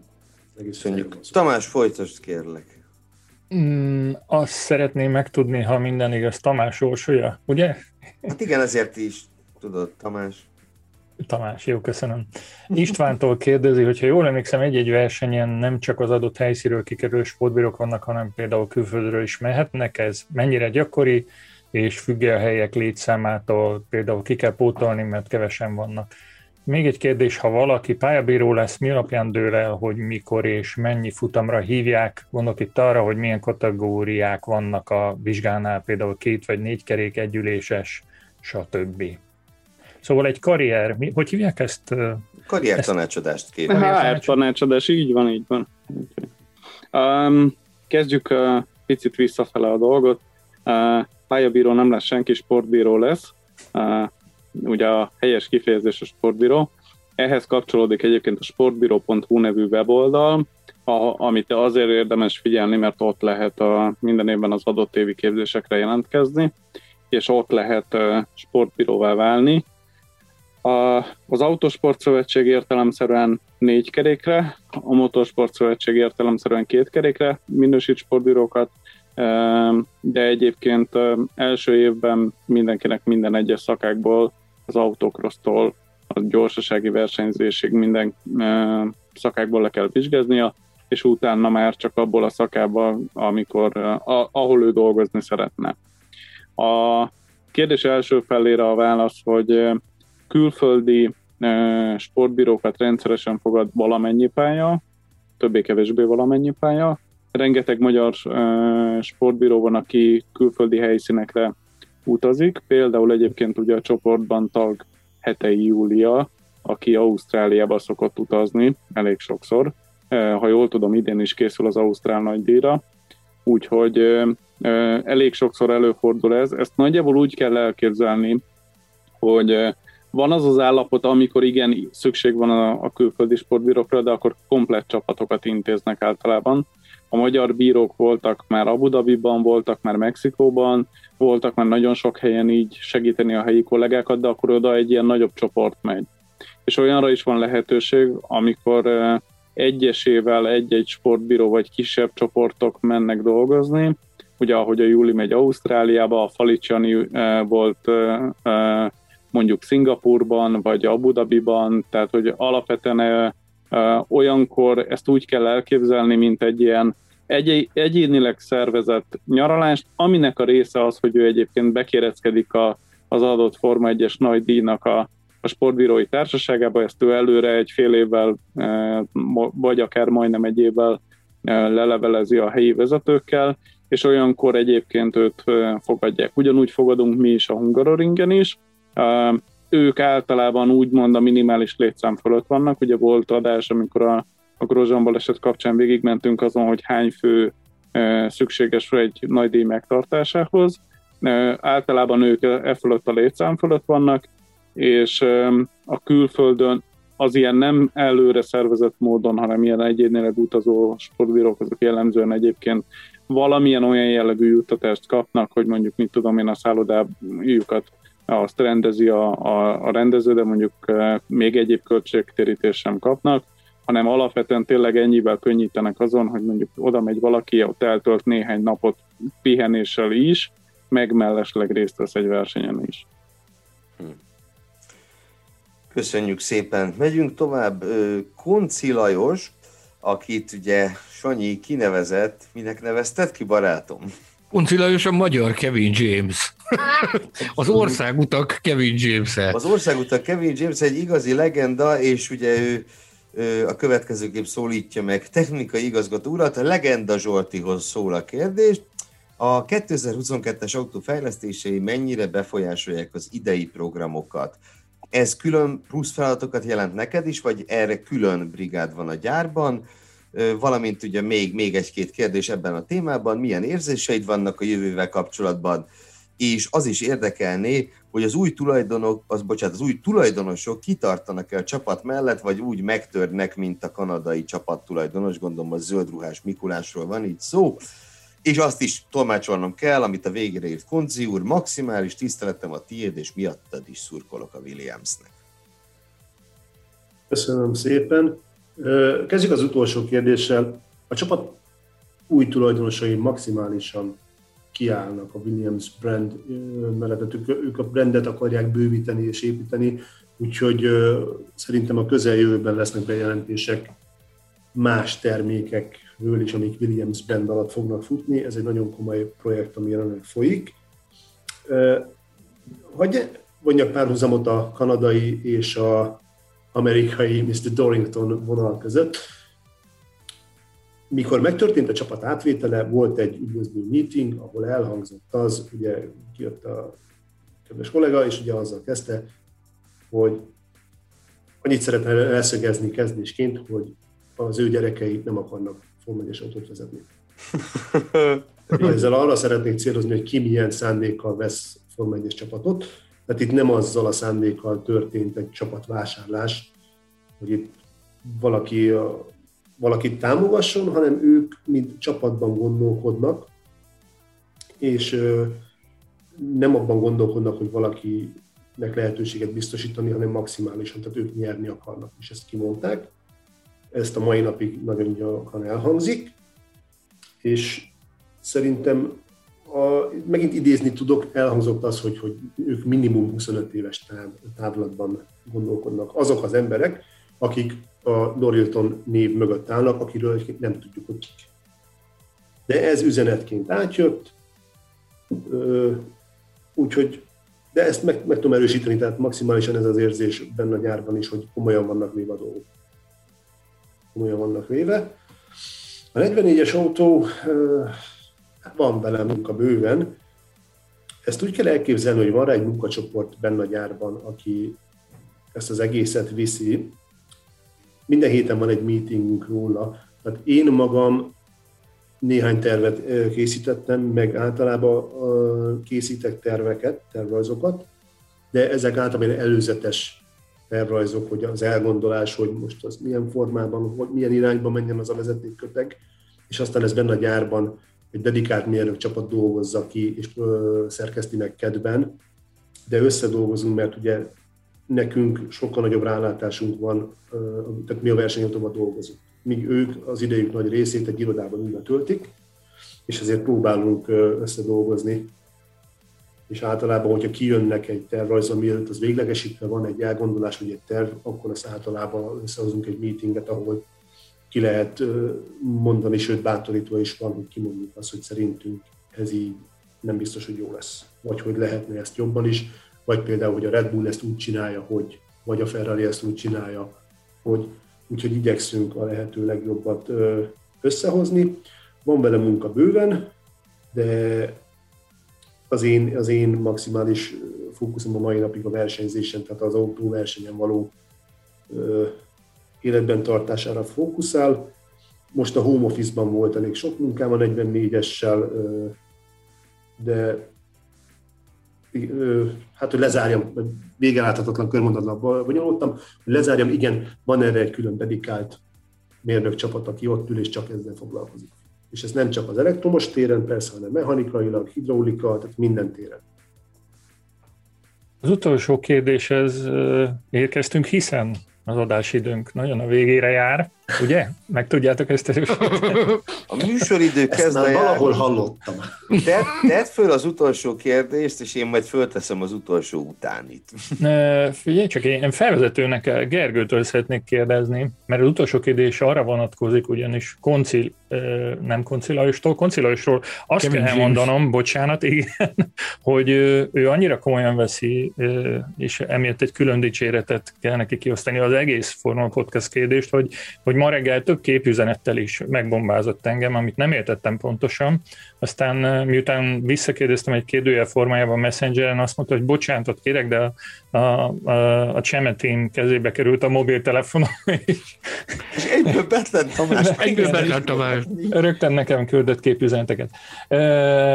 Szóval Gult Péter szeretné tudni tőletek, igazgató urak, hogy az elmúlt 99 adásban melyik volt a kedvenc pillanatotok, de mielőtt erre válaszoltok Gergőtől, én meg azt szeretném tudni, hogy melyik adások voltak a leghallgatottabbak, mert ugye hát a pénz beszél, meg a számok. Hát igen, na, kigyűjtöttem. A Statisztikus úr, hallgatjuk. Top 5-öt gyűjtöttem ki, egyébként az öt leghallgatottabbból három idei és kettő tavalyi. Ötödik helyen az idei szezonnyitó Bahreini nagydíj futamértékelője. Negyedik helyen a Kié a legütősebb páros című szezonelőzetes, ahol Sanyival sorba raktuk az idei versenyző párosokat erősség szerint. Aztán uh, harmadik helyen a tavalyi Bakreni nagy, össz, nagydíj összefoglalója 28 másodperc a Pokol Tornácán címmel, kicsit hatásvadászra sikerült ez a cím. Most így Már egy picit Gergő, hogy ezekbe egyikbe se voltam akkor ment ez, ebbe a háromba? Amit Eddig nem, jó, jó, de az jó, első jó. kettőben ott voltál, azért az van az élen. A második helyen az 50. adásunk, az, elő, az egyik nagy jubileum, ahol a valaha volt 10 legjobb Form 1 pilótát próbáltuk meg kiválasztani, és azt kell mondjuk, hogy bár konkrét számokat nem mondunk, mert ezt itt el is tanultam az igazgató uraktól, hogy konkrétumokat nem mondunk, de annyit elárulunk, magasan, magasan kiemelkedik az összes adásunk megzőnyéből a leggyorsabb magyar, vagy a Baumgartner Story című adás idén év elejéről, ahol Baumgartner Zsolt volt a vendégünk, messze a legtöbb hallgatottságot produkálta. Na, és akkor, ahogy Gult Péter kérdezte, Zsolt, Pisti, ti jöttök, Mire emlékeztek jó szívvel a Formula Podcastből? Már ha hallgatjátok. Hát az a baj, hogy mindig ki van vágva. A legjobb pillanatok ki vannak vágva. István? Um, alapvetően ugye úgy szól pontosan, hogy melyik az elmúlt 99 adásból a kedvenc pillanat. Szerintem az első adás első pillanata, hiszen létrejött, Jaj. és az innentől fogva egy tök jó. Um, illetve a barcelonai adásnak az a pillanata, amikor becsatlakoztam ebbe az egészbe, úgyhogy neki, én önző vagyok, én, én ennyire önző vagyok, hogy, hogy ezt, ezt azért ki kell, hogy emeljem. Nem, egyébként, amikor um, az ad, igaz, egy kicsit adáson kívüli pillanat volt, de amikor tényleg a, a, a a Grozsan baleset után, amikor a Sándorral beszéltem telefonon, és, és igazából úgy éreztem, hogy, hogy akkor gyulladt egy ilyen piros lámpa fel a fejében, hogy om, tényleg igaza, igazam van. Na, az volt a, a, a harmadik kedvenc pillanatom. Be is hívtunk azonnal az adásba, hogy ezt másokkal is, másokkal is oszd meg, amit velünk. Zsolt? Nézd, nekem mindegyik, mindegyik adás, amiben szerepeltem, egy nagyon nagy unikum, és, és mindig örömmel állok rendelkezésre, mert hogy annyira egy jó társaság. Ez nekem inkább baráti beszélgetés, mint hogy szakmai podcast. Az idei évadnyitó, azt hiszem a, nem, a tavalyi, amíg az évadnyitó előtti, mikor a, a idei évről beszélgettünk, az, az nekem egy nagyon jó volt, az egy nagyon jó beszélgetés volt, de egyébként mindegyikre azt mondanám, de talán a legelső, legelsőre mondanám én is azt, hogy az, a, az az igazi top volt, mikor fájó szemekkel hajnal egy órakor Ausztráliába Sándor a hotelba hívott, és ott azért a végén úgy megvolt, hogy az az érzi, úgy tettük le a telefont, hogy, hogy gyerek, jó, jó lesz ez, gyerek, jó lesz ez. valami jó ki fog ebből sülni. Igen, lesz ebből valami. Köszönjük szépen. Na, hát elfogytak a hallgatói kérdéseink, meg azt hiszem az összes kérdésünk elfogyott, egy dolgot leszámítva, hogy itt sportigazgató úr az adás előtt jelezte, hogy rendkívüli interpellációval kínál, bocsánat, kíván élni. Napirend utáni felszólalás utáni felszólalással, kérlek. Alapvetően nem is pont napirend utáni, de ugye itt most, ha, ha úgy veszük, hogy Betlen Tamás ugye a podcast pénzügyi igazgatója, ha úgy veszük, hogy Zsolt a technikai igazgató, és ha úgy veszük, hogy jó magamat pedig ugye sportigazgatóként szólítotok, akkor igazából itt van a Board of Directors, azaz innentől fogva várjuk tőletek az előterjesztéseket, és akkor mi most gyorsan meg tudjuk szavazni, és a Netán Tamás nem is ért vele egyet, de kettő egy arányban bármikor lenyomjuk. És, és um, um, kb. ilyen, ilyen, ilyen, ilyen, mint hogyha, tehát a költségvetési kérdésen a bevételi oldalon mi nem szoktunk foglalkozni, csak a kiadásival, és nyugodtan gyertek elő most is a, a, a kívánalmaitokkal, majd mi megszavazzuk, és majd a Tamásnak meg kell oldani valahogy. Azt gondolom, ez egy kiváló alkalom erre. Én azt csodálom a Tamásban, hogy ezt 99 adáson át el tudta kerülni, hogy összeálljon az igazgató tanács, és határozatképes legyen, de ennek most vége. Én azt hiszem, Sanyi, hogy a javadalmazásunkkal kellene valamit kezdeni, nem gondolod? Akkor a, a műsoridő most indul, drága hölgyeim. Most kezdődik. most kezdődik a műsoridő, igen, ahelyett, hogy a végéhez érnék. És itt én kérlek szépen, én itt, ugye én mindig szeretek benézni egy picit a dolgok mögé, itt valamiféle manipulációt sejtek azzal kapcsolatban, hogy Azért kellett 99 adásnak eltelnie ahhoz, hogy összeálljon az igazgató tanács, ahogy mondtad, hogy ezt itt a Tamás próbált itt lavírozni e, az, az, az elő, hogy, hogy a határozat képesség az meg legyen, úgyhogy ez egy érdekes pillanat, hogy eljutottunk ideig. Nem tudom, mit gondolsz, mit, mit terjesszünk fel az igazgató uraknak? Én elében megyek a problémáknak. Bocsánat, jó? a javadalmazásunk megemelésén túl én azt mondanám, hogy ezt majd a Formula Podcast Facebook csoport tagjai mondják meg, kommentek között várjuk az ötleteket, hogy az igazgató tanács ö, mivel tudná a mi életünket javítani, vagy az övéket. Azt hiszem, elsütöttem ezt a mm, javaslatot, és csak nevettetek ahelyett, hogy elfogadtátok volna, hogy akkor is, hogy, hogy, hogy mit kellene tenni a fizetésetekkel, ezt most a századik... Ugye emlékszik? Emlékszik, szóval én ezt tudom felajánlani a századik ünnepi adás alkalmával, hogy megduplázom a fizetéseteket. Remélem, hogy most már belementek. Tisztelő. Ez mindenkire vonatkozik? Neked Dorilton úrhoz kell fordulnod, kérlek szépen. Neked Dorilton úr... Mert hogyha... reméltem, hogy a Tamás valamit esetleg tud intézni a Dorilton úrnak. Mi van, hogyha Tamás a Dorilton úr? Mit szólsz ehhez? Hogy mi van ezzel a teóriában? Na, na, akkor már hárman vagyunk, kérlek. Mindek után nekem meg pártotlannak kell lennem, én pedig megmaradok azon a terepen, amin eddig is voltam, hogy tiszteletbeli versenyigazgató, sportigazgatóként dolgozom. Jó, tehát én maradok a tiszteletbeli vonalom. Tisztelet díj nélkül? Így van. Mert az az érdekes, akkor pont annyit fogsz kapni, mint mi. Már négyen vagyunk, gyerekek. Egyen, egyenlőség, Alakul ez. egyenlőség, testvériség. Így van, így van, alakul ez, már négyen vagyunk, nagyszerű. Tamás, én a, egy baráti jó tanácsa helyett be lezárnám a műsoridőt lassan. Igen, abszolút. nő. A végére ért a műsoridő. És hogy, hogy milyen profin fapofával végigüli, hallod? Muszáj. Van benne rutinja, van benne rutinja. De vagy azt figyeld, hogy milyen rutinosan fogja lezárni a műsoridőt. Azt, az a kedvencük. Nem, nem, most már uh, anélkül, hogy elmondanám, hogy véget ért a műsor, és hogy a végére értünk a műsorünknek, nem marad más hátra, mint hogy megköszönjük, hogy a század és a századik adás alkalmával is velünk tartottatok. Kérjük, hogy ajánljátok barátaitoknak, barátnőiteknek, feleségeiteknek és a többi ismerősöknek, hogy kövessék podcastünket a Spotify-on és a többi netes lejátszó felületen, például a YouTube-on, csatlakozzatok a Formula Podcast Facebook csoporthoz, hiszen ilyen jeles szakemberek is ott válaszolnak a kérdésekre, és ők is vizslatják minden alkalommal a csoportot, van-e valami aktualitás. E, Itt Móni Istvánra és Jánvári Zsoltra gondolok, kérdezzetek tőlük, meg tőlünk e-mailen is, a címünk podcastkukacformula.hu, ha pedig bárhol szóba kerülünk, akkor úgy, ahogy mi, ti sem ulasszátok elhasználni a Formula Podcast hashtaget. Ugye, Sanyi, ez így van? Igen, Szeretjük a hashtagünket.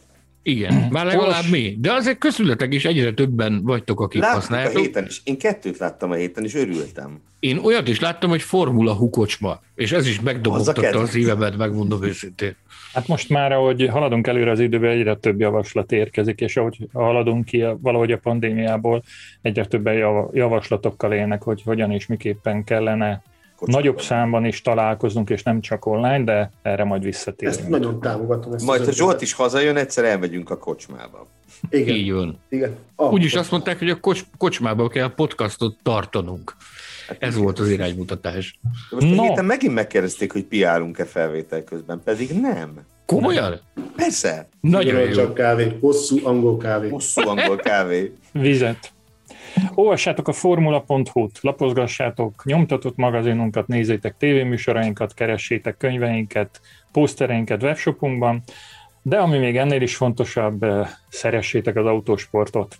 Vendégeink Jávári Zsolt és Móni István, valamint munkatársaim, barátaim, szerkesztő kollégáim Geléfi Gergő és Mészáros Sándor, nem utolsó sorban Hilbert Péter kiemelt főtechnikus nevében is búcsúzom, pár nap múlva ismét találkozunk, addig is sziasztok! Tetszett az adás? Hallgass meg korábbi műsorainkat, valamint iratkozz fel ránk Spotify, Google, Apple Podcast vagy más csatornáinkon. A linket megtalálod a leírásban, illetve a formula.hu weboldalon.